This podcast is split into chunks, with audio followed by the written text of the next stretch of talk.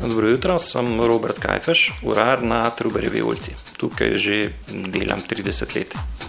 Za vas res velja, da je čas denar.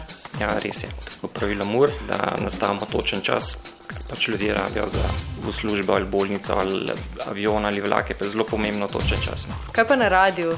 Na radiju ravno tako ne. Če poslušaš kakšno priljubljeno dajo, moraš to ravno tako vedeti točen čas. Ne. Je tiktakanje ure prijetno ali nadležno? V bistvu, jaz, ki imam cel kup teh ur, mi je prijetno. Ne? Zdaj, nekoga, ki pa zelo glasna ura, stenska z bitjem, pa da jo prvič slišiš nekam, da pride, pa najbolj zelo moteče. Ampak se na to zelo hitro navadiš. Kaj pa odsotnost tiktakanja? Vas moti tišina? Ne, ne moti. Nimam problemov s tem, v bistvu, ker zapustim to pač delavnico, pač preklopim na drugo, ne pogrešam tega tiktakanja. Na dopustu poskusim pa čist odmisliti te ure, oziroma se posvetim čemu drugemu. Robert, stenska ali ročna ura? Ročna ura. Meni so nekako bolj ljube ročne ure. Nisem ravno, ne vem, kakšen navdušen za stenske ure, čeprav jih popravljam. Kaj si mislite, ko vidite nekoga, kot sem jaz, ki nima ročne ure? To je pač ta nova generacija, enostavno gleda pač na telefon, ki ga skoraj ne spusti z roke, ne, tako da ne potrebuje ure, razen kot mogoče modni dodatek. Kakšen človek nosi zapestno uro? Večinoma športniki, pač te ure so tudi tako strogo namenske, recimo izračunavajo srčni utrip, oziroma te upozorijo, ker presežeš določen impuls, da to nastaviti, lahko tudi pri potapljanju so nepogrešljive. Pač globino mer, oziroma ti meri čas dekompresije, pa še bi se najdel, po mojem, še kar nekaj takih, ki so nepogrešljive, ki še vedno potrebujejo uro.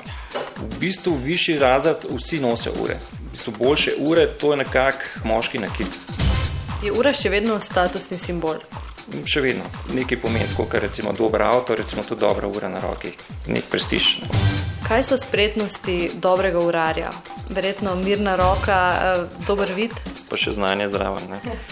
Nekako moramo pač popravljati, ki bi rekel, od, od kolesa do aviona. Zaprav kakšno koli uro. Je to ročna, žepna, stenska, mehanska, elektronska, v bistvu popravljamo vse. Znanje v bistvu se učiš celo življenje, dejansko nekaj prehaja pač nove in nove stvari. Ne. Največji izziv so pač uh, te komplicirane ure, ne. mehanske ure, ki imajo pač ogromno funkcije.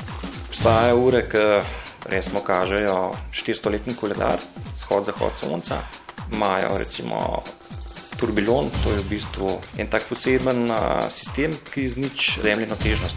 Kakorkoli mi roko obračamo, stalno je pač najbolj pomemben del per uri je v istem položaju. Ne.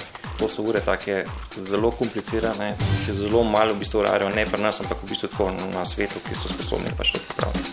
Se vam kdaj ustavi čas? V bistvu ne, me pa sprašujejo stranke, če znam upravljati s časom. Ne. Zakaj? Glede na to, da sem 50 let star, ne, ne kažem toliko let. Kdaj vam čas najhitreje teče? Ja, najhitreje teče v bistvu, ker je ogromen dela. Ne. Recimo, da imaš veliko za narediti, pa še vrsta strank recimo, čaka in enostavno ti je dan daleč prekratek. Zasebno čas hitro mine. Zakaj v življenju bi si morali vzeti čas? Taki ljudje kot jaz, ki večino časa preživijo pač v nekem delu, eh, bi si mogli več časa zase vzeti. Dejansko ni vse v tem delu, lahko bi si čas vzel, če bi si ga hotel. Enostavno si skrajšaš pač ta svoj čas in si vzameš čas zase. No.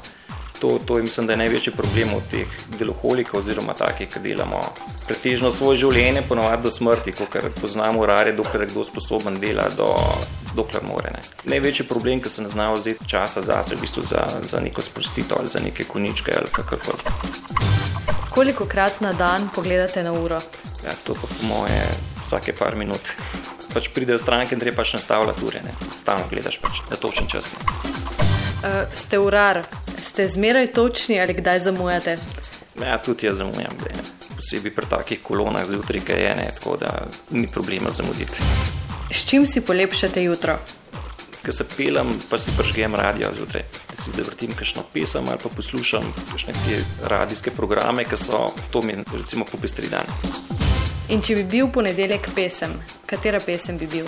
I showed Outlandish. Ta pesem je pač meni nekako sedla. Ta prvič, ko sem že slišal, pač mi je ostalo všeč in vedno rad slišam.